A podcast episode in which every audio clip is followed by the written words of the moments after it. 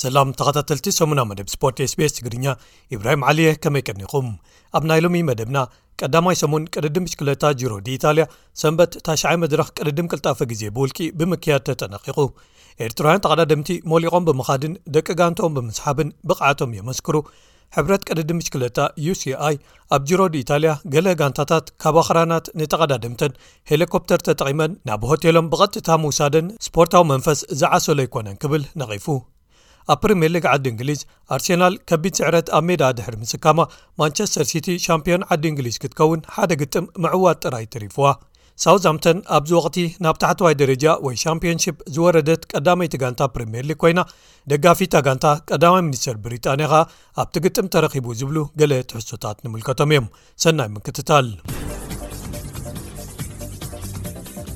ቀዳማይ ሰሙን ቅድድም ብሽክለታ ዙር ኢጣልያ ወይ ጅሮዲ ኢታልያ ሰንበት ታሽዓይ መድረኽ ቅድድም ቅልጣፈ ግዜ ብውልቂ ብምክያድ ተጠናቂቑ ቤልጂማዊ ረምኮ ኢቫኖፖል ካብ ጋንታ ሶዳል ኩክስቴፕ ከምቲ ኣብ መኽፈቲ መዓልቲ ዝተኻየደ ተመሳሳሊ ቅድድም ዝተዓወተ ሕጂ እውን ኣብዚ ናይ ሰንበት ቅድድም ቅልጣፈ ግዜ ሕጂ እውን ደጊሙ ተዓዊቱ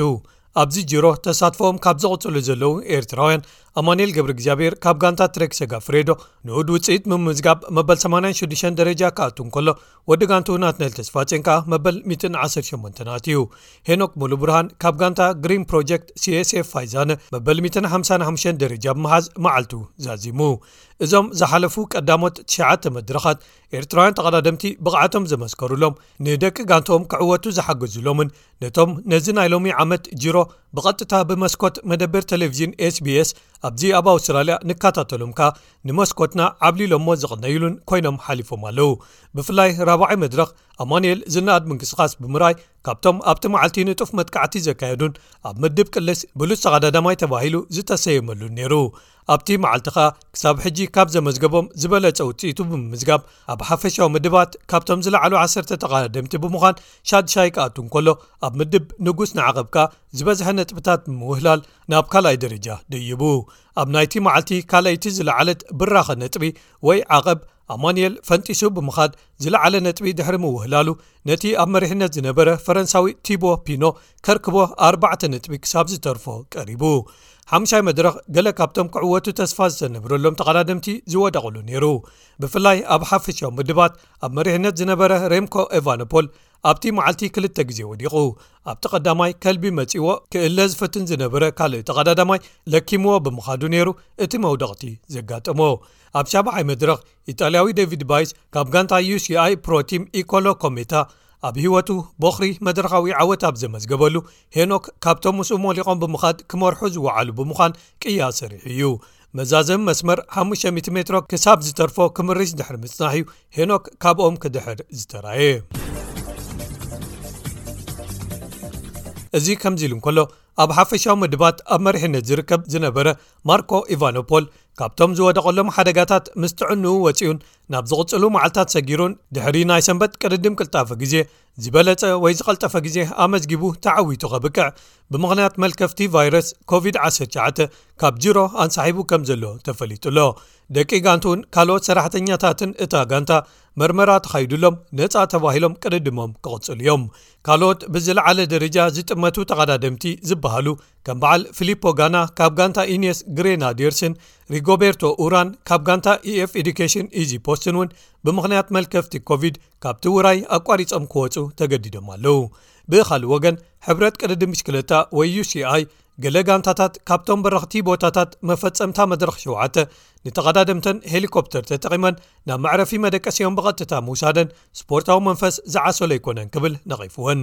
እቲ መድረኽ ኣብ ዝተዛዘመሉ ተቐዳደምቲ ናብ ቃፍላያት ኣውቶቡሳቶም ክኸዱ እንተኮይኖም ካብቲ ዝበረኸ ቦታ ወይ ነጥቢ 26 ኪሎሜትር ንታሕቲ ይወርዱ ማለት እዩ። ገለ ጋንታታት ብጎንዶላስ ወይ ተለፈሪካ ገይረን ተቐዳደምተን ንታሕቲ ናብ ኣውቶቡሳተን የውርደኦም። ብነፋሪት ወይ ሄሊኮፕተር ምኻድ ግን ነቲ ክሳብ ሆቴሎም ዝግበር ጉዕዞ ብኽልተ ሰዓታት የጉድሎ።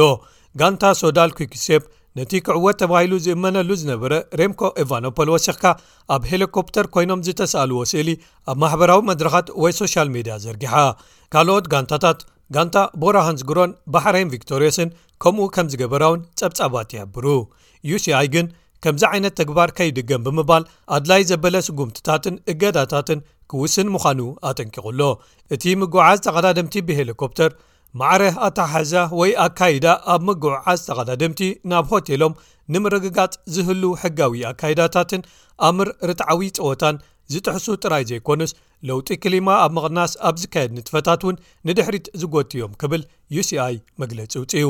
ናብቲ ቅድድም ምስ እንምለስ ክሳብ ሕጂ ተኻይዶም ኣብ ዘለዉ ትሸዓተ መድረኻት ብሪጣንያዊ ገረይን ቶማስ ሬምኮ ኤቫኖፖል ብምኽንያት መልከፍቲ ኮቪድ ድሕሪ ምንስሓቡ መሪሕነት ሓፈሻዊ ምድባት ክርከብ እንከሎ ኣማንኤል መበል 91 ናትናኤል መበል 16 ሄኖ ከኣ መበል 30 ተርታሒዞም ይርከቡ ኣለዉ ኣብ ምድብ ዓቐብ ከኣ ኣማንኤል ሻድሻይ ክስራዕ እንከሎ ሄኖክ ኣብ መበል 23 ተሰሪዖም ተሳትፎም ይቕጽሉ ምህላዎም ተፈሊጡ ኣሎ እዚ ንሰለስተ ሰሙን ዝካየድ ዙር ኢጣልያ ሎሚ ሶኒ ዕረፍቲ ድሕሪ ምውሳድ ሰሉስ ክቕጽል እዩ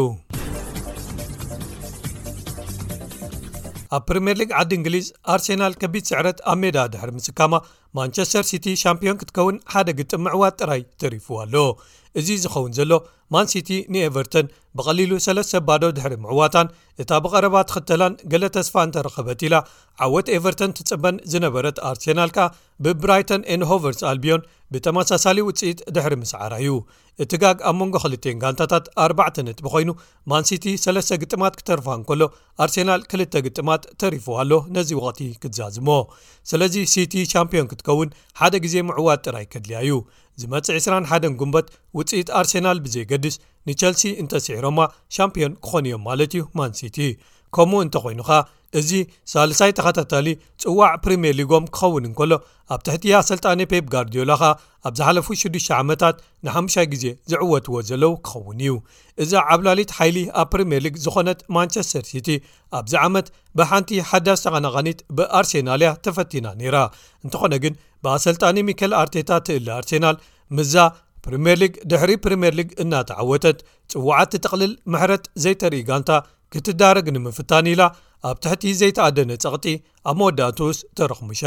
እቲ ውድድር ገና ዘየብቅዐ እኳ እንተኾነ ማንቸስተር ሲቲ ነዚ ዕድል ክትስንድዎ እንተኾይና ክኸውን ዘይትጽበዮ ክትወድቕን ኩሉ ዝተረፈ ግጥማታ ክትሰዓርን ኣለዋ ማለት እዩ። በቲ ኣብ ካልኣይ ክፋል ግጥም ዘርኣናዮ ዝተሓተ ብቕዓትን ውጽኢትን ንደገፍትናን ህዝብናን ይቕሬታ ንሓትት። ድሕሪቲ ሰለስተ ባዶ ስዕረት ድሕሪቲ ስዕረት ኣብ ኤምሬትስ ስታድየም ኣሰልጣኒ ኣርሴናል ሚከል ኣርቴታ ዝበሎ እዩ ነይሩ እዚ ምሕጽንታ